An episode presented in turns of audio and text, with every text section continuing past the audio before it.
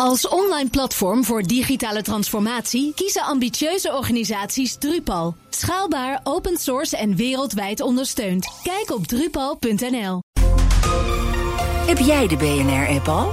Met breaking news in de podcast. NS alle seinen op rood. Download de app en blijf scherp. BNR Nieuwsradio. BNR breekt. Ivan Verrips. Goedemorgen en welkom. Vanaf half twaalf praat ik over het nieuws van de dag. Over crisis in Den Haag. Het kabinet praat vandaag weer verder over nieuwe asielmaatregelen. Rutte's VVD wil uiterlijk morgen resultaat zien. En witpoeder in het Witte Huis. De Secret Service heeft cocaïne gevonden. En Biden wil dat tot op de bodem opsnuiven. Of uitzoeken. Daar ga ik over praten met mijn twee panelleden vandaag. Te weten Joris Hetterscheid, voormalig voorzitter van de Jonge Democraten. En Anouk Dijkstra, voorzitter van Jong Management. Goedemorgen allebei. Goedemorgen. En goed dat jullie er zijn. We gaan beginnen met... BNR breekt. Breekijzer. En het breekijzer heeft te maken met ZZP'ers in de zorg. Want dat worden er steeds meer. Vorig jaar hadden we er zo'n 147.000. Meer dan 1 op de 10 functies in die zorgsector wordt momenteel ingevuld door een ZZP'er. Vaak voor een eh, veelvoud van het salaris van personeel in vaste dienst. En met zoveel krapte in de zorg lijkt het einde van die wildgroei aan freelancend zorgpersoneel nog niet in zicht. En dat is een groot probleem, zegt minister Connie Helder van Langdurige Zorg deze ochtend in de Telegraaf. Nou, vanochtend heeft het kabinet samen met zes brancheorganisaties een handtekening gezet onder een hele stapel afspraken. Maar de kern is minder ZZP in de zorg en een einde aan schijnzelfstandigheid. Maar ja, je zou ook kunnen denken, mogen zorgprofessionals dat niet lekker zelf bepalen? En daarom is ons breekijzer vandaag. Freelancen in de zorg moet een optie blijven. Ik ben heel benieuwd hoe jij erover denkt. Moet het maar eens klaar zijn met al dat geflex en lekker terug naar het good old contract? Of hoort bij een moderne arbeidsmarkt ook dat er geflext kan worden? 020 468 4 keer 0 is ons telefoonnummer als je wil reageren. Als je nu belt, kom je zo meteen bij me in de uitzending. 020 468 4 keer 0 En je kan ook reageren via eh, BNR Nieuwsradio op Instagram. In de stories kan je stemmen. Dan uh, zien we zo meteen over een minuutje of 20 wat daar de tussenstand is. Maar het leukste is even bellen. 020 468 4 keer 0 Zometeen hoor je hoe Anouk en Joris erover denken. Maar ik begin met uh, Tashal Shahidi, uh, Sayedi. Die is directeur van Mediveld, een bemiddelingsbureau voor ZZP'ers in de zorg. Goedemorgen. Goedemorgen. Goed dat je er bent. En ook bij ons is Mirjam Michiels, senior manager bij EY specialist in loonbelasting en sociale zekerheid. Goedemorgen. Goedemorgen. Ja, ons breekijzer vandaag de stelling waar luisteraars op kunnen reageren. Freelancen in de zorg moet een optie blijven. Nou, Tassal, ik ben heel benieuwd hoe jij erover denkt. Wat vind jij? Uh, ik, ik ben voor, ja. voor deze stelling. En uh, uh, ik, ik vind dat we, dat we juist de ZZP'ers of de freelancers in de zorg... voor de continuïteit van de zorg nodig hebben. Ja, en waarom? Uh, omdat wij ook in onze dagelijkse praktijk zien hè, dat de ZZP's eigenlijk mm, ja, heel veel de last minute uh, diensten oplossen voor de zorginstellingen. Mm -hmm. Om jullie een voorbeeld te geven, hebben we nu in regio Utrecht bij drie zorginstellingen de komende 2,5 maand ruim 2.500 diensten open. Ja, dat, dat redden ze met eigen personeels, mm -hmm. personeelbestand uh, niet. En dan komt eigenlijk uh, freelance of, of detachering ja. beeld. Ja. Ja. Zou het niet beter zijn als die mensen gewoon in dienst zouden zijn bij die organisatie waar ze nu via jou gaan werken? Ja, ik, denk, ik weet niet of dat beter is. Ik denk dat we dat beter aan de zelfstandigen kunnen vragen. Mm -hmm. En als je het aan ze vraagt, dan hoor je wel. Uh, dat ze eigenlijk door uh, nou, slecht werkgeverschap uh, en een falend leiderschap eigenlijk de keuze hebben gemaakt om nou, zelfstandiger te worden en meer regie te hebben over hun werk. Ja. En daarin staat eigenlijk het geld niet op nummer één. Maar je ziet dat er daarvoor heel, ja, andere dingen, flexibiliteit, vrijheid, zelf kunnen bepalen wanneer je kan werken.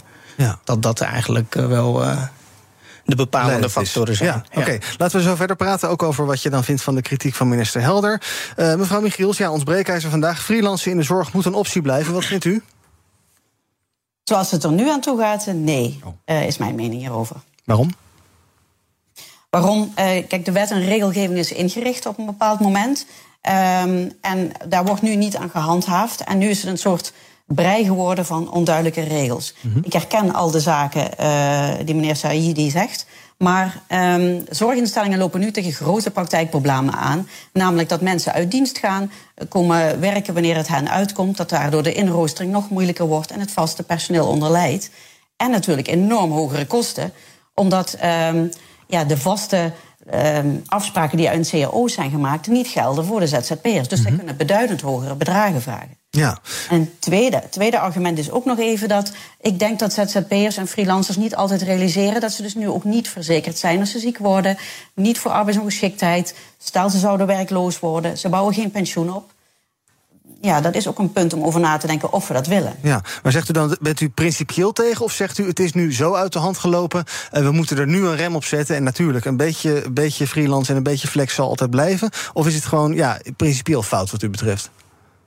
Nee, het is dat laatste inderdaad. Door de, de onduidelijkheid in de regelgeving op dit moment... en het niet handhaven, loopt het tussen de spuigaten uit. Mhm. En dat is gewoon onhoudbaar voor zorginstellingen. Oké, eh, ik praat zo met u verder. Ik ga een rondje mijn panel doen eerst. Ons breekijzer vandaag. Freelancen in de zorg moet een optie blijven. Anouk, wat vind jij? Eens. Waarom? ik denk dat je deze al wel aan het zien komen. Ja, dacht ik al, ja, de ondernemer, ja. ja. Als werkgever, uh, je hebt eigenlijk die flexibele schaal nodig... om die continuïteit van een organisatie te kunnen borgen. Mm um, dus uh, dat het de optie moet blijven, zeker wel. Mm -hmm. uh, natuurlijk hoort er ook bij goed werkgeverschap... dat je goed voor mensen zorgt. of dat nou in loondienst is of in freelance verband... of mm -hmm. detacheringsverband. Um, en ja, heel eerlijk, de hogere kosten van detachering... die neem je vaak uh, voor lief als werkgever als je bijvoorbeeld een piek of uh, gewoon krapte op moet vangen. Ja, en, als, en dat, het zorgt, je hebt ook minder risico's als je een freelancer in dienst neemt. Want ja, als diegene ziek wordt. Ja, ja. ja, op zich wel, maar dan ben je alsnog die arbeidskracht kwijt. Ja. Dus, en daar zit eigenlijk je, uiteindelijk je allergrootste risico als werkgever natuurlijk. Dat je niet kan leveren, uh -huh. in welke vorm dan ook. Um, dus ik, ja, ik herken zelf niet de benadering als werkgever ten opzichte van ZZP'ers dat dat is, omdat je ze dan makkelijk kwijt ja. uh, kan uh, zijn. Want je hebt iedereen gewoon nodig. Mm -hmm. um, maar ik ken uh, ZZP'ers vaak wel dat dat mensen zijn die vaak bovengemiddeld goed zijn in hun werk. Die, waar je binnen je bedrijf als werkgever niet zoveel meer uh, voor kan bieden. Omdat anders ook um, je uh, loonverdeling mm -hmm. bijvoorbeeld heel erg uit balans raakt. Um, en die mensen zijn vaak bereid om zelf wat meer verantwoordelijkheid te nemen. Ja. En daardoor daar hoort ook een hogere beloning ja. bij. Oké, okay. Um, Joris, wat vind jij? Freelance in de zorg moet een optie blijven? Uh, ik ben het helemaal eens. Uh, ik, ik, denk dat het zeker een optie moet blijven, maar ik denk niet op de, op de huidige schaal. Uh -huh. uh, want door eigenlijk een tekort in de zorg kan een ZZP'er nu eigenlijk alles vragen wat hij wil. En als je nu in de zorg werkt, snap ik wel dat je ZZP'er wordt. Als je ziet dat een collega van jou die precies hetzelfde werk doet als ZZP'er soms wel het dubbele kan verdienen. Ja dan snap ik wel dat steeds meer mensen ZZP'er worden. Maar misschien dat je dan moet kijken van. Uh, dat je alleen nog ZZP'er kan zijn in de zorg, bijvoorbeeld als je voor meerdere werkgevers werkt, in plaats van voor dezelfde, voor maar één werkgever. -hmm. Dat je dan beter gewoon in dienst zou kunnen. Ja, het heeft misschien ook met die schijnzelfstandigheid te maken. Het daar zal ik wel even ja. voorleggen. Uh, in, de, in de Telegraaf wordt onder andere genoemd die visieuze cirkel die er zou zijn. Er is een grote vraag naar personeel in de zorgsector. Daardoor ga je dus ZZP'ers inhuren. Dan is het beeld van die ZZP'ers, ja, dat zijn mensen die krijgen dus inderdaad veel meer betaald. Die willen alleen, ik zeg maar even, de leuke klusjes op de leuke tijdstippen doen. Daardoor wordt de druk op anderen hoger. Mensen vallen daardoor uit. Daardoor heb je weer meer ZZP'ers nodig. Het is een soort visieuze cirkel naar beneden waar u aan meewerkt. Ja. Ja, volgens mij is dat niet uh, helemaal waar. Ja. Want uh, wat je ziet, ja, ik, ik vind dat de zorginstellingen ook een eigen verantwoordelijkheid moeten nemen van uh, wat voor afspraken maak je met een zelfstandige. Ja. Op het moment dat je iemand inhuurt, ja, hoor je dan ook bepaalde afspraken te maken. Dit zijn de werkzaamheden of dit verwachten we van je, waardoor je dus wel een, een balans creëert mm. op, op je locatie. Uh, en daarnaast hoor ik ook altijd, ja, uh, ze kosten meer. Volgens mij kost uh, iemand die in verzuim zit veel meer geld. gemiddeld ben je 250, 300 euro per dag kwijt. Ja. Dus ik denk dat de zorginstellingen juist omdat ze zo'n hoog percentage van verzuim hebben, plus externe en huren, dat zijn dus dubbele kosten eigenlijk ja. die je maakt. Ik denk dat je in de kern naar de zorg moet kijken. Mm -hmm. Waarom hebben we 8,1% volgens mij in het laatste kwartaal van 2022, hè, volgens CBS? Ja. Uitval? Verzuim, ja. uitval. Wat maakt hè, dat er zoveel mensen eigenlijk uh, ziek zijn? En ja. hoe kunnen we dat voorkomen? Waardoor je uiteindelijk ook de inzet van ZZP's zou kunnen verminderen. Ja. Uh, in de zijlijn wilde het kabinet ook gelijk eigenlijk ja, bureaus zoals dat van u een beetje aanpakken. Want daar zit een beetje het toontje onder van ja, u grijpt ook een heel deel van dat geld weg. En u wordt er ook slapend rijk van. Is dat zo? Nou, slapend rijk. Kijk, ik ben zelf ook een verpleegkundige. Het is goed om dat even te benoemen. Uh.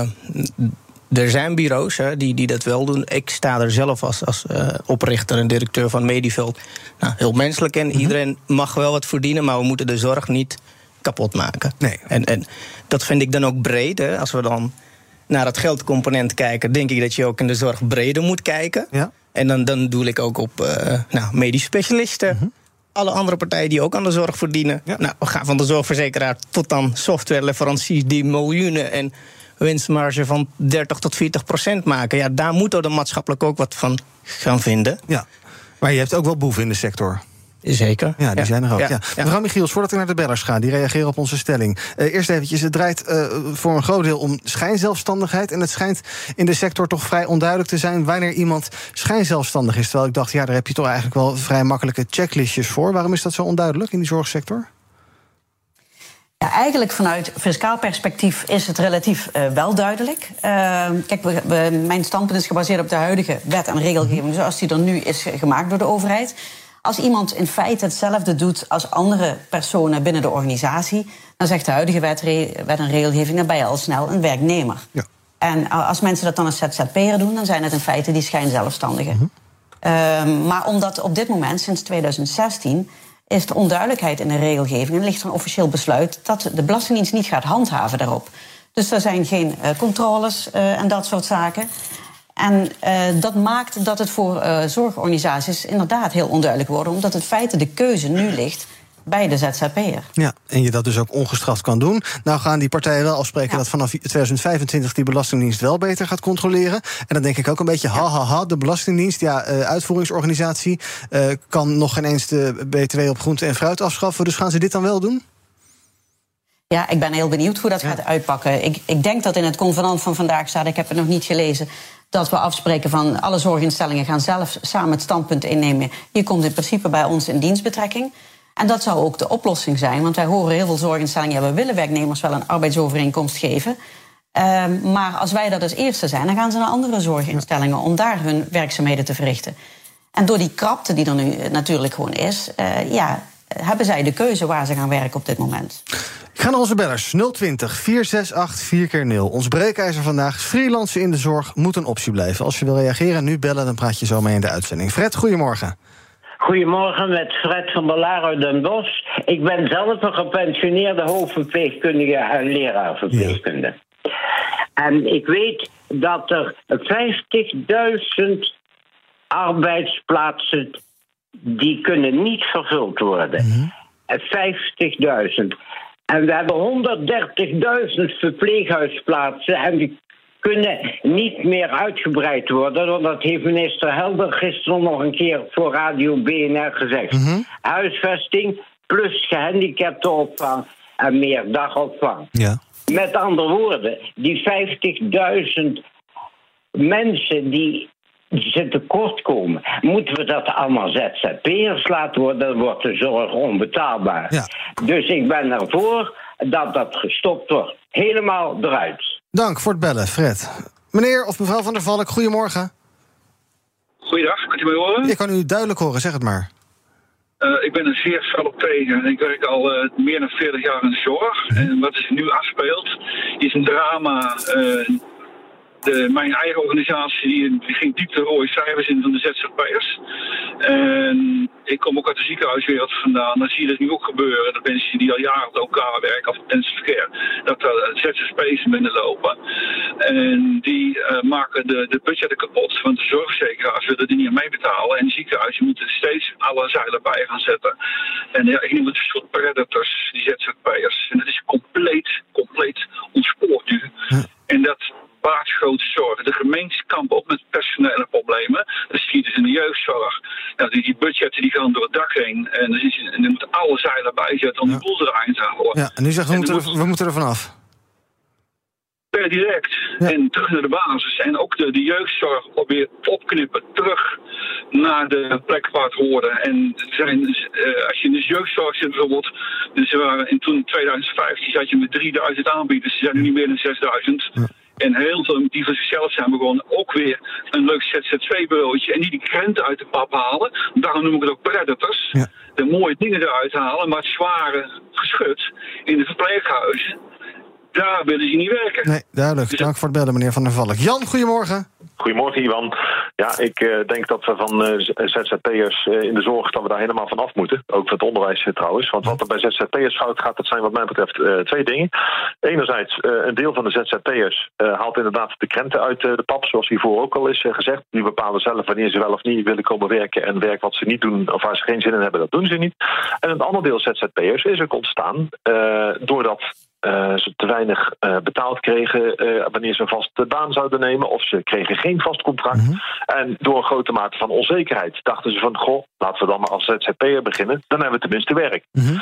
Dus laten we daar nou mee ophouden. Laten we met name in cruciale sectoren als zorg en onderwijs... beginnen met vaste contracten. Betaal die mensen gewoon naar behoren. Betaal ze wat meer. Dat kan makkelijk, want ja, een... een ZZP'er uitbetalen, dat is ook al veel duurder voor een werkgever. En uh, laten we het gewoon uh, oplossen met vaste werknemers, vaste contracten. Dank voor het bellen. En tot slot van dit blokje even Jos. Goedemorgen, Jos. Ja, goeiedag. Zeg het maar. Ja, nee, ja ik heb een, een schoonzus die werkt in de zorg al, al meer dan 35 jaar. En die werkt zich vier slagen in de ronde. Ja omdat de ZZP'ers niet opkomen dagen. Oh. Uh, reis, reisgeld wordt uh, gewoon vergoed in, in uren. inderdaad, wat de vorige spreker zei, wat ze niet van plan zijn om te doen, dat gaan ze ook niet doen. Ze zeggen dat ze big geregistreerd zijn, terwijl ze het niet zijn. En er zijn er ook nog een aantal bij die spreken zelfs geen Nederlands. Nou, nou dat is een lekker beeld. Ja, dat is, eh, wij toevallig dat we het er van de week hebben over gehad toen we daar waren. En dat ze zei ook van ja, het is echt een drama. Dan moeten ze echt niet stoppen. Ze moeten echt op een andere manier aanpakken. Gaan we eerst verder bespreken in de studio. Dank voor het bellen, Jos. BNR breekt. Ivan Verrips. Panel vandaag met Joris Hetterscheid, voormalig voorzitter van de Jonge Democraten. Anouk Dijkstra, voorzitter van Jong, Man Jong Management. En ook bij me zijn uh, Mirjam Michiels, senior manager bij EY. Ze weet alles van loonbelasting en sociale zekerheid. En Tassal Sayedi, hij is directeur van Mediveld. We praten over ons breekijzer. Freelancen in de zorg moet een optie blijven. Als je erover wil meepraten, nu bellen 020 468 4 keer 0 Dan praat je over een minuutje of drie nog even mee in de uitzending. Uh, ja, Tassal, ik zie toch veel uh, mensen die, die maar anti die ZZP'er zijn. Dat zijn toch allemaal onbetrouwbare figuren allemaal die willen graaien, de krent uit de pap. Nou, lekker beeld. Ja. Dat, uh, dat kan deels kloppen. Ja. Uh, waar geld te verdienen is, uh, krijg je eigenlijk met dit soort partijen een, een groepen te maken. -huh. Ik denk dat daarin ook de zorginstelling deels verantwoordelijk zijn. Maar met wat voor partijen doe je zaken? Wat -huh. voor afspraken maak je? En, en hoe borg je. Hoe zorg je ervoor dat er, dat er wel gekwalificeerd personeel op de werkvloer komt? Dus deels is het wel uh, inderdaad aan de markt dat je ziet dat er alles gebeurt. Maar tegelijkertijd is het ook heel belangrijk van wie haal je binnen als ja. partij zijn en wie haal je als ZZP zijn binnen. Ja, dus daar moet je goed op letten. Je zei ja. het zelf al, je bent zelf ook verpleegkundige en. ZZP'er. Waarom ben je zelf ooit uh, voor, voor, jezelf begonnen? Is dat, is dat een vrijwillige keuze geweest of een beetje noodgedwongen? Nee, vrijwillige keuze. Uh, in de zin van ook meer vrijheid, uh, zelf de regie willen hebben. en daarbij hoor ik ook een paar deelnemers van, van, deze van dit programma dat ze zeggen van nou de ZZP's doen al niet alle diensten. Nou, als je naar ons bestand kijkt, ja, dat zijn mensen die wel alle diensten doen. Mm -hmm. Dus dat belt, dat het iedere keer naar voren komt van nou, de, de zelfstandigen doen alleen maar wat ze willen. Dat is niet waar. Dat kan deels waar zijn. Daarnaast vind ik ook dat er gezegd wordt, dat ze kosten meer geld. Mm -hmm. Ik denk dat je ook per onderdeel moet kijken. Als je naar het geheelplaatje kijkt van nou, hoeveel kosten ze meer? Hè? Ik geef je een voorbeeld, een helpende in de zorg- en welzijnssector. Nou, die zet je nu gemiddeld tussen 34 en 36 euro bij een zorginstelling in. Dus dan is mijn vraag van, nou, hoeveel zijn ze dan voor iemand die een loondienst is kwijt? Ja. Nou, hoeveel is je, dat? Weet je dat ook? Uh, dat weet ik ongeveer. Oh. Ik, ik denk dat ze wel in die richting uh, eraan kwijt zijn. Ja. Uh, dus waar het geld ook naartoe gaat, hè, deels, is, zie je ook dat er... Uh, sprake van BTW is soms hè, van 21 procent. Dat zijn ze extra kwijt. En dan kunnen de zorginstellingen dat ook niet aftrekken. Dus ja. dat, dat is dan ook extra post.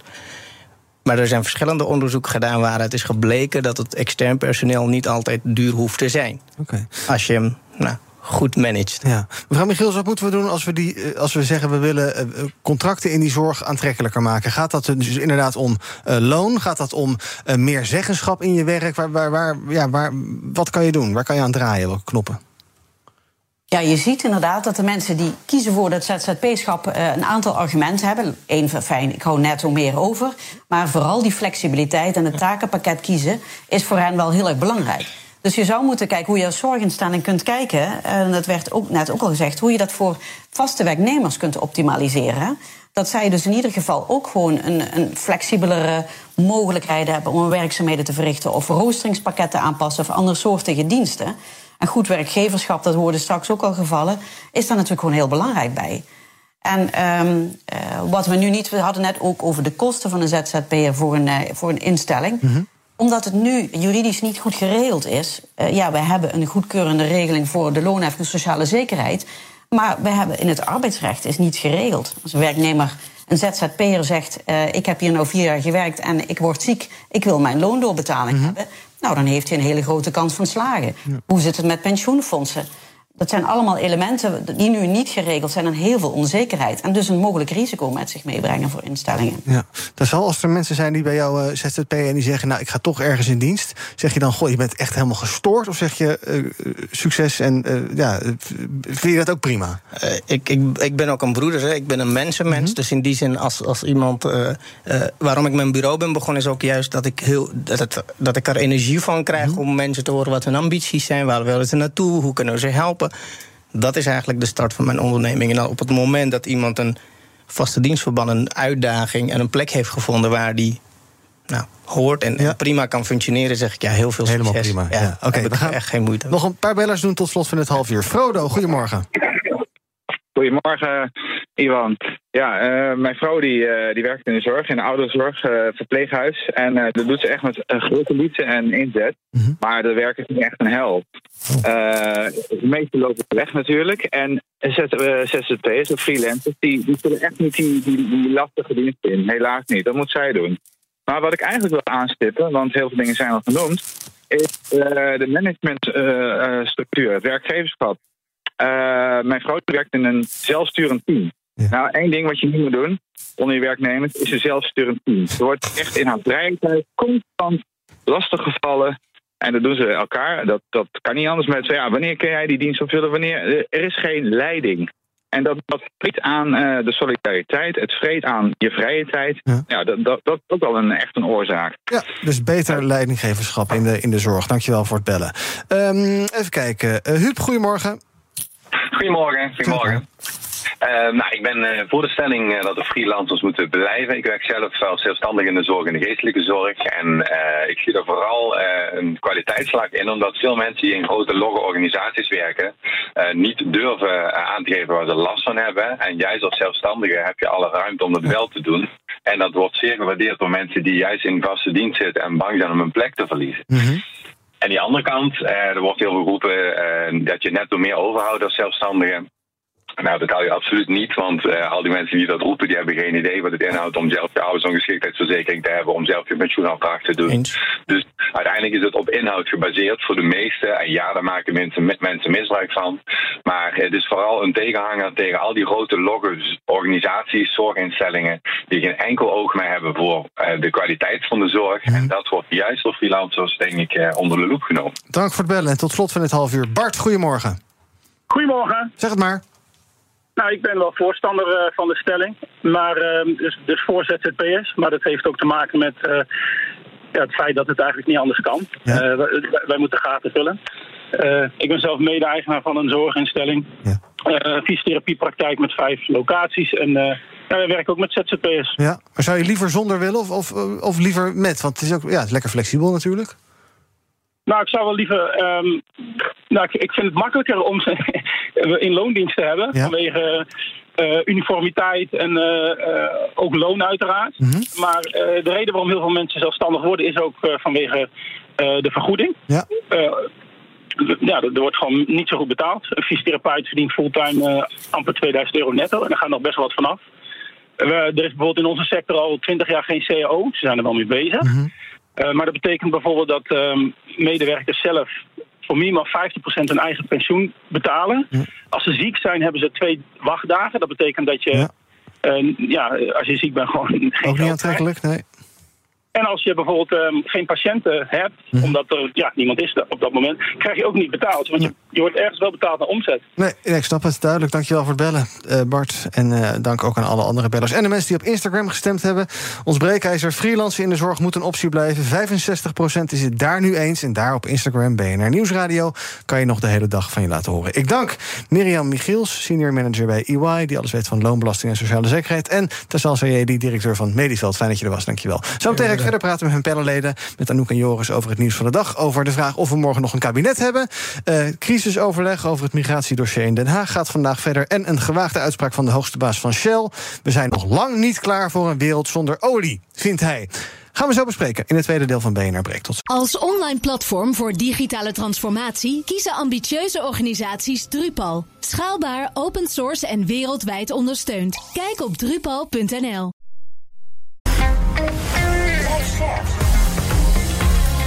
BNR Nieuwsradio. BNR breekt. Ivan Verrips. Welkom terug. In mijn panel vandaag Anouk Dijkstra, voorzitter van Jong Management... en Joris Hetterscheid, hij is de voormalig voorzitter van de Jonge Democraten. En wij gaan praten over het nieuws van de dag. Te beginnen in Den Haag, want na een avond onderhandelen... is er nog steeds geen witte rook uit die stad. Het kabinet probeert een akkoord te bereiken op asiel. We weten, de VVD-fractie wil dat de instroom fors naar beneden gaat... heeft morgen, vrijdag, als een soort van ultimatum gesteld. Dan moet er een deal liggen...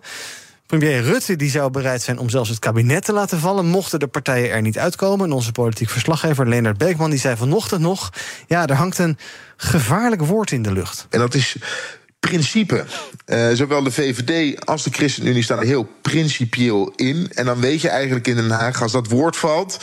dan kan het nog wel eens lastig gaan worden. Ja, dan ga ik even naar de politicus in ons midden. Joris, uh, wat uh, denk jij? Hebben we nog een kabinetmissionair aan het einde van deze week, morgen dus?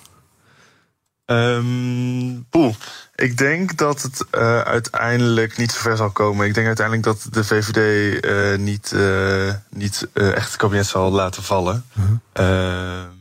Ja, ik, ik, ik denk dat het vooral nog grootspraak is voor een onderhandelingspositie om, uh, om, om dat te versterken. Ik denk uiteindelijk niet dat, dat Rutte en de VVD het aandurft ook, om ook echt het kabinet te laten vallen hierop. Ja, um, we, zijn hier nu al een maand of acht mee bezig, geloof ik. Het is een maand of acht geleden dat uh, Rutte tegen zijn fractie heeft gezegd dat hij zich ging inspannen om die instroom omlaag te krijgen. We hebben daarna van alles nog wat gezien. Hij is naar Tunesië geweest. Ik geloof dat Erik van den Burg naar Marokko is geweest om daar afspraken te maken. in Brussel, althans ja, Luxemburg, maar Brussel is er een deal bereikt. De, die migratiedeal in ons land krijgt ook wel enige vorm, lijkt het, meldt NRC. En toch komen ze er niet uit. Waar, ja, waarom is dit zo ingewikkeld? Uh, ja, vraag. Het, ding is dat een, uh, dit kan natuurlijk in Brussel, dit moet in Brussel worden geregeld. Uh, en, en dat duurt gewoon heel erg lang. En in Nederland kunnen we zelf gewoon niet superveel doen. Maar even, het VVD heeft het over instroom. Mhm. Terwijl ze verwachten een instroom van 70.000 asielzoekers dit jaar. Uh, en we zitten nu nog niet eens, als, als je uh, waar we nu op zitten, zo doorrekenen, tot het einde van het jaar zitten we op 35.000 mm uh, mensen instroom. Dus er is geen superhoge instroom. Er is een opvangprobleem. Dus we, we kunnen het niet aan, de keten is, is niet goed. En dat moet worden aangepakt en niet de instroom. En dat is wat de VVD de hele tijd doet. Die zijn heel erg populistisch bezig. En, en eigenlijk al met hun verkiezingscampagne bezig om een rechterflank uh, aan te spreken. Um, om, om heel hard te, op asiel te gaan zitten. Terwijl de instroom is dus eigenlijk niet het probleem. We nee. hebben gewoon, het is gewoon slecht geregeld in Nederland. Ja, we zijn, de, we zijn de, het verkeerde probleem aan het lappen dus. Zeker, zeker. Ja, dat, De VVD is gewoon bang voor de BBB en jaar 21 aan de rechterkant. Uh -huh. Dat zie je heel erg terugkomen. Ja, um, en die instroom, daar heb je dus ook maar beperkt eigenlijk invloed op. Uh, wat zou je dan wel moeten doen nu? Waar zou je wel afspraken over moeten ja. maken? Ik denk dat je afspraken moet maken over hoe je het, het inricht in Nederland. Hm. Hoe je het, het, COA, de IND, hoe je daar meer geld, uh, daar moet meer geld naartoe, er moeten meer mensen heen. Om te zorgen dat de mensen die binnenkomen zo snel mogelijk door die hele uh, keten kunnen. En dat je dan op relatief korte termijn kan zeggen of iemand kan blijven of weg kan. Uh, want dat duurt nu veel te lang. Nu zitten mensen soms wel jaren in een, in een centrum te wachten op, op een uitspraak. En dat moet er voorkomen, want daardoor krijg je dat soort vervelende situaties dat mensen wel heel lang zitten. Dat zij zeggen van ik ben nu uh, helemaal geïntegreerd en nu moet ik weer terug naar een land wat veilig is. En dat duurt gewoon veel te lang. Ehm, dus die keten moet gewoon veel sneller. Dat kunnen we in Nederland doen. En voor de rest in Europa zorgen dat je met landen afspraken kan maken dat die instroom uh, mogelijk minder wordt. Maar dat is op dit moment niet het grootste probleem. Nee. En ook als jij een beetje je politieke antenne je gevoel laat doen... dan hebben we aan de ene kant misschien VVD en CDA... aan de andere kant misschien ChristenUnie D66. Ja, denk je dan dat die partijen eruit kunnen komen? Of, Leendert zei het al, principe, ja, het gaat wel om... Uh, uh, hoe ga je met mensen om? En daar zal de ene partij anders over denken dan de andere partij. Kan je daar wel uitkomen? Ja, daar twijfel ik over, eigenlijk. Want dit raakt natuurlijk wel ja, ik denk wel de basis een beetje van die alle partijen, de overtuigingen die daarin zitten. Mhm. Dus ja, als je daarvan, uh, als je daarop gaat onderhandelen, zeg maar als partij, dan denk ik dat je wel veel kan verliezen. Ja. Um, wat, waar, wat zou, wat, we horen het Joris zeggen, die zegt ja, eigenlijk geen instroomprobleem, maar het is een probleem met hoe we er in Nederland met, met die mensen omgaan, hoe we ze opvangen. Is dat ook jouw analyse? Dat ja, we moeten beter mensen kunnen opvangen in ons land? Of moet het ook echt omlaag? Nee, voor mij, als ik zo de cijfers hoor van Joris net, zou ik zeggen, nou, dat lijkt me niet echt. De instroom is misschien niet per se het probleem. Mhm. Eh, maar dat uh, mensen eigenlijk stranden eh, op het moment in die opvang, zeg maar, dat is natuurlijk wel problematisch. Ja, en mensen die op grasveldjes liggen, dat soort zaken, dat, ja, dat, ja, dat, extreem voorbeeld natuurlijk. ja, maar, dat, ja. het is gebeurd en misschien dat het nog een keer gaat gebeuren, maar dat is onze stand toch wel, dat, zijn we, dat, dat is toch een beetje gênant voor een land als Nederland, toch? Ja, eens. Ja. ja. Uh, ik zei het al, Joris, eh, vorige, week, vorige maand is het akkoord met die migratieministers. Nou, dan willen ze dus uh, gaan kijken, mensen die uh, nauwelijks voor asiel in aanmerking komen, die zou je dan aan de buitengrenzen van Europa, die zouden daar dan een snelle asielprocedure moeten doorlopen. er wordt in Nederland nagedacht over een twee-statenstelsel. Dat je bijvoorbeeld mensen die vanwege hun geaardheid vluchten, dat je die een aparte status geeft en de andere status dan oorlogsvluchtelingen. er wordt gesproken over asielzoekers die kansrijk zijn dat die eerder aan het werk gaan, minder snel een permanente verblijfsvergunning. Dus er, ja, er lijken wel dingen te gebeuren.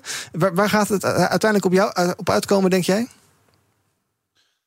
Uh, ja, ik, ik, las dat ze uh, in het kabinet nu vier uh, verschillende categorieën hadden. Dus bijvoorbeeld liefdesmigratie, arbeidsmigratie, ehm, asiel en er was er nog een. Die Onderwijs misschien? Maar het, ja, dat is volgens mij dat ook. En vooral asiel is nu het, het grootste probleem natuurlijk. Um, ik denk dat die deals met die landen gewoon heel belangrijk zijn. Dat je daar inderdaad aan de grenzen daar al de grootste klap kan opvangen. Ja. Uh, en ik denk dat daar ook wel de sleutel zal liggen van het hele probleem. Alleen dat duurt gewoon super lang. Ja. En nog even als de VVD het kabinet zou laten vallen vrijdag. Dan hebben ze nog steeds niks gedaan aan de instroom, wat ze hebben beloofd. Nee, dan hebben ze nog steeds hun doel niet bereikt. En uh, dan duurt het weer super lang voordat ze weer iets kunnen doen. Dus ik, ik zie ook niet hoe de VVD dat zou kunnen verkopen aan een achterban. Want we hebben ze nog steeds niks gedaan aan de instroom van alle asielzoekers. Nee, maar Anouk, als eh, we de VVD zo horen... Sophie Hermans bijvoorbeeld in de Tweede Kamer zegt ze... joh, ik vraag het nog één keer aardig aan Rutte, doe iets. Op het congres zegt ze, um, schiet eens op, Mark. Um, deze week in het Algemeen Dagblad lezen we... deze week is er een deadline. Ja, als je dan vrijdag een deadline stelt en je doet daar weer niks mee... dan is het dan, dat is ook niet geloofwaardig, toch? Nee, zeker niet. Nee, maar dat kan natuurlijk ook best wel een ding zijn... waar uh, Rutte een beetje mee in een uh, tweestrijd zit. Mm -hmm.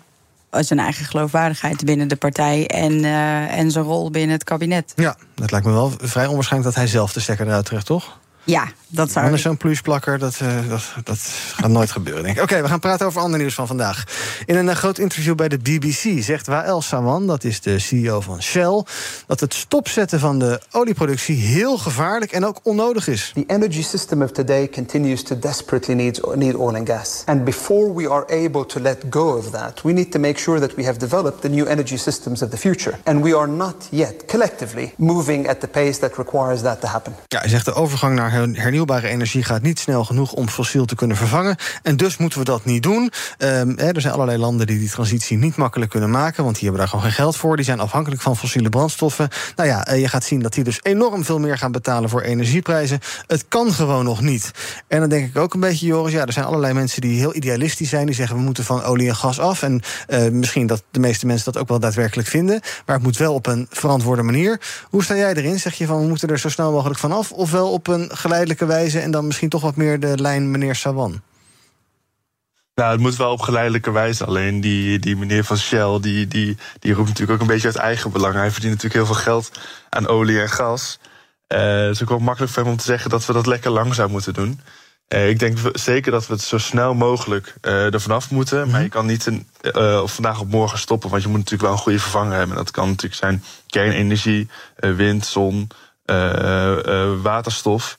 En dat is natuurlijk iets waar Shell ook hard mee bezig is. En wat ze zij natuurlijk heel, heel graag in de markt willen zetten. Ja. Maar hij heeft natuurlijk ergens wel een, een punt dat juist de, de armere landen... die kunnen niet zo goed mee. En daar moet je ook naar kijken als, als, als het Westen, zeg maar, als je stopt met olie en gas. Ja, Anouk, is meneer Sawan een beetje een uh, fossiel fossiel?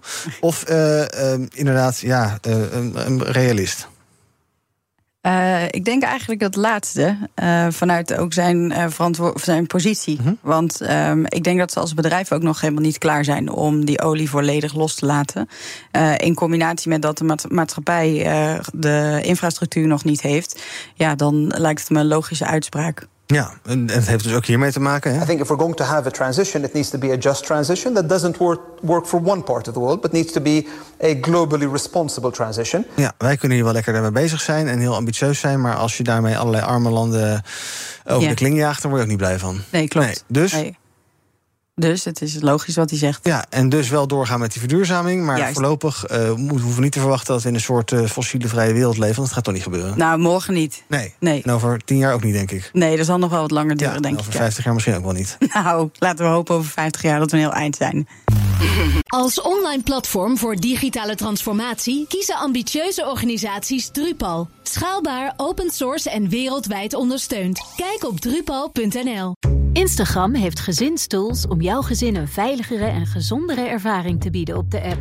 Wanneer tieners hun Instagram-profiel instellen, zorgt standaard privéaccounts ervoor dat wat ze posten privé blijft voor hen en hun volgers. Met een dagelijkse tijdslimiet help je jouw tiener om zich aan gezonde gewoontes te houden op de app. En door toezicht samen in te stellen, krijg je meer inzicht in wie ze volgen. Ontdek meer over deze en andere gezinstools op instagram.com/slash gezinstools. BNR breekt. Papieren doorlezen en voorbereiden en dat soort zaken doen broodjes eten, lunchen. Oké, we gaan kijken naar wat mijn panelleden zelf is eh, opgevallen in het nieuws. Eh, Joris Hetterscheid en Anouk Dijkstra zijn hier. En Joris, ik wil met jou beginnen. Jij wil het hebben over uh, ja, Zaporizhia. Daar is sinds, nou eigenlijk al tijden natuurlijk heel veel onrust over die kerncentrale, de veiligheid daarvan. En daar hebben we begin deze week, of een paar dag of twee, drie geleden, toch wel zorgwekkende berichten weer gehoord. Namelijk dat Rusland en Oekraïne elkaar ervan beschuldigen dat een aanval wordt voorbereid op die kerncentrale. van beide kanten beschuldigingen waar ja, geen bewijzen voor worden overlegd. Maar uh, de Russen zeggen van uh, ja, de Oekraïners zouden de centrale gaan aanvallen met raketten en drones. Zelensky zegt nee, er zijn explosieven geplaatst op de daken van dat ding. Ik word er een beetje bang van als ik al dat soort verhalen zo hoor. Ja, ik ook. dat is, ja, ik, ik maak me wel zorgen over. En zeker omdat nu die landen elkaar gaan beschuldigen.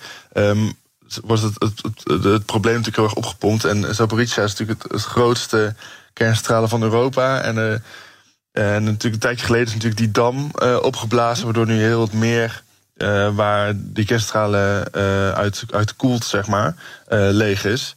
gelukkig heeft die kerncentrale nog wel een, een, een, voorraad. Alleen ja, het blijft wel spannend. En zeker nu de gemoederen zo hoog oplopen, maak ik me daar wel zorgen over. En Rusland heeft zich nu wat teruggetrokken, vol, las ik volgens mij. Oké. Okay. Dus het lijkt een beetje alsof zij ook voorsorteren dat daar iets gaat gebeuren. Mm Oekraïne doet hetzelfde. Die heeft uh, een, een, eh, bevolking ingelicht om jodiumpillen te kopen. Alleen die zijn nergens te kopen. Dus die zijn overal uitverkocht. Uh, dus het lijkt wel een, een, een spannende kant op te gaan. Ehm, ja, ik las ook trouwens dat het ehm, wel dat het minder erg is dan het lijkt. Oh. Omdat het, het effect is kleiner dan eerder rampen. Mm want dit, deze kerncentrale ligt al een hele tijd stil en is eh, veel moderner en veiliger dan bijvoorbeeld uh, Chernobyl. Uh, ja. Nou, bijna 40 jaar geleden. Goed dat je het zegt. Luister eens mee naar defensiespecialist Patrick Bolder. Want die zegt inderdaad ook: ja, voor een herhaling van Chernobyl, wat toch een nachtmerriescenario is, daar hoeven we niet voor te vrezen. Die westerse wapensteun die duurde en die duurde en die duurde. En die opleiding van die Oekraïners moest ook nog gebeuren. Ja, is dat dan de schuld van het Westen? Nou, dat is natuurlijk ingewikkeld. Training kost tijd en zeker op nieuw materieel. Maar het is een feit dat de Russen een half jaar de tijd hebben gehad om ze gewoon beter en beter uh, te kunnen voorbereiden op het Oekraïnse tegenoffensief. Ja, ja, absoluut. En dus is de vraag: uh, moeten we Oekraïne met meer steunen uh, die hij daarbij stelt eigenlijk? Wat vind jij? Uh, ja, ik denk het wel. Ik denk dat we Oekraïne maximaal uh, uh, moeten steunen. Mm -hmm. En dat, volgens mij doen we dat al grotendeels. Volgens mij worden er binnenkort, was het laatste nieuws dat er weer F-16's worden gekocht mm -hmm. voor Oekraïne. En ik denk dat dat gewoon super belangrijk is en dat we dat ja. ook moeten blijven doen. En niet dat we moeten blijven bij de leveringen die we hebben gedaan. Want als we zeggen van nou, nu, nu is het, wij hebben ons deel gedaan. ja, die oorlog gaat gewoon door. Ja. Uh, en die, die stopt natuurlijk ook niet na onze levering. Dus dat moeten vooral echt blijven. Dat is superbelangrijk. Ja, nee, Zelensky zei vannacht nog bij CNN dat hij inderdaad meer nodig heeft. Wil je heel, uh, heel het bezette, alle bezette gebieden terug kunnen winnen. Maar goed, dat zijn natuurlijk teksten die uit voor Amerikaans publiek. Um, nog heel eventjes kort. De, de, berichten die we dus horen uit Moskou en uit Kiev. Van nou ja, het Russische atoomagentschap, maar ook van Zelensky. Ja, moeten we die misschien maar met een kool zout nemen? Want we weten van allebei niet wat er waarvan is. Wat voor bewijzen zij hebben. Uh, of het maar gewoon allemaal oorlogspropaganda is. Ja, wat moet je ermee? Ja, dat is het wel. Ja, dat is, dat is natuurlijk het lastige hierin. Uh, ik zou Rusland sowieso met een korrel zout mm -hmm. nemen. En Oekraïne uh, misschien ook wel een klein beetje. Ik denk dat we vooral moeten kijken naar juist dat nucleair agentschap van de VN. Ja. Want die is volgens mij nu weer, na aanleiding van die aantijging naar elkaar, zijn die nu weer daar gaan kijken. En ik denk dat we daar vooral op moeten letten. Want als zij iets zeggen, dan, dan is denk ik wel echt nood aan de man. Ja, nou, zij zeggen in ieder geval dat het erop lijkt dat er volgens nog geen aanwijzingen zijn dat er explosieven zijn aangebracht bij de kerncentrale. En dat is dus wel wat Zelensky zei. nou, we moeten dat in de gaten houden. Maar spannend is het wel en niet op een goede manier. Anouk, jij wil het hebben over Chemours. Dat is die ja, chemiefabriek in Dordrecht. Ja. Daar werd over gesproken in de Tweede Kamer. Er was een hoorzitting, geloof ik, een verhoor. Um, wat, uh, wat viel je eraan op? Nou, ik had een artikel uh, erover gelezen uh, mm-hmm. van Anna Dijkman. En dat gaat natuurlijk over, net als bij Tata Steel, over de verantwoordelijkheid die bedrijven eigenlijk wel of niet nemen. Voornamelijk niet in de vervuiling en de schade die dat de, de samenleving eigenlijk toedoet. Mm-hmm. Um, dus ik was eigenlijk heel even benieuwd ook naar Joris' mening over uh, Joris, wat vind jij dat uh, bedrijven in deze situatie zouden moeten doen? Poeh, uh, goede vraag. Ehm, even voor mijn, voor mijn eigen ding. Chemours is dus dat bedrijf. Ehm, in Dordrecht. Die... Iets meer context nog. Ja, dat is een bedrijf in Dordrecht, een chemische plant. die maakte onder andere die anti-aanbaklagen in, in pannen. Ja, dat PFAS, hè, is dat? ja. ja. Uh, Teflon is dat. Uh -huh. uh, en um, veel van, van die PFAS is in het water daar ofwel terechtgekomen ofwel geloosd. Dat laat ik me. doe ik even geen uitspraak -huh. verder over. Maar um, daardoor zijn er natuurlijk veel hogere PFAS-waardes in bloed aangetroffen van de mensen die daar in die wijde omgeving wonen. Ja. Um, nou, Tata Steel heeft natuurlijk een, uh, niet met PFAS, maar wel uh, met uh, fijnstof natuurlijk. Ja. waar ze ook de omgeving en de bewoners mee ziek kunnen maken. -hmm. um, dus Joris, wat vind jij dat, dat een, een bedrijf als Geenboers en Tata Steel nu aan maatschappelijke verantwoording zouden moeten nemen? Ik denk, ik, ik denk het wel, ja. Als, als zij, zij zijn natuurlijk wel verantwoordelijk voor een groot deel van die uitstoot. En dus van gezondheidsschade bij heel veel omwonenden. Uh, je kan het van twee kanten bekijken natuurlijk. Aan de ene kant laat de overheid dat toe. En zou je kunnen zeggen, de overheid uh, is daar mede verantwoordelijk voor. Omdat zij die uitstoot toelaten. Aan de andere kant, het bedrijf weet heel goed wat ze doen. Uh, en zij zouden een heel groot deel van hun schade uh, moeten herstellen als een soort schadevergoeding aan de omwonenden. Ik denk dat het een deel van beide is, maar dat uh, bedrijven vooral echt een verantwoordelijkheid uh, moeten nemen, moeten blijven nemen. We gaan kijken wat er trending is op de socials. Ariane is trending. En het is niet de prinses, maar het heeft te maken met een raket. De laatste raket van de ESA, vannacht gelanceerd. 3, 2, unité, top, allumage moteur Vulcain. En daar ging niet. De opvolger van de Ariane 5 wordt gebouwd, maar is voorlopig nog niet klaar. Ja, we hebben het ook over storm nog steeds. Uh, gisterochtend code rood. Opeens eerst was het geel, toen werd het oranje en toen was het opeens rood. Dat had AI wellicht kunnen voorspellen. Kunstmatige intelligentie kan helpen bij het voorspellen van het weer. Blijkt uit nieuw onderzoek, gepubliceerd in Nature. Nu wordt het nog gedaan met grote lastige rekenformules. En AI kan dat veel sneller. En tot slot is Ramstein trending. Ja. Ongekende klerenherrie. Ze spelen vanavond in Groningen, maar de vraag is of het doorgaat. Dat weten we pas een paar uur voor het concert. Want dan volgt een uitspraak van de rechter. Want een natuurbeschermingsorganisatie vindt dat het concert veel te luid is. Ze willen 103 decibel produceren en dat zou toch eh, voor vogels en dergelijke allemaal heel erg zielig zijn. Tot slot.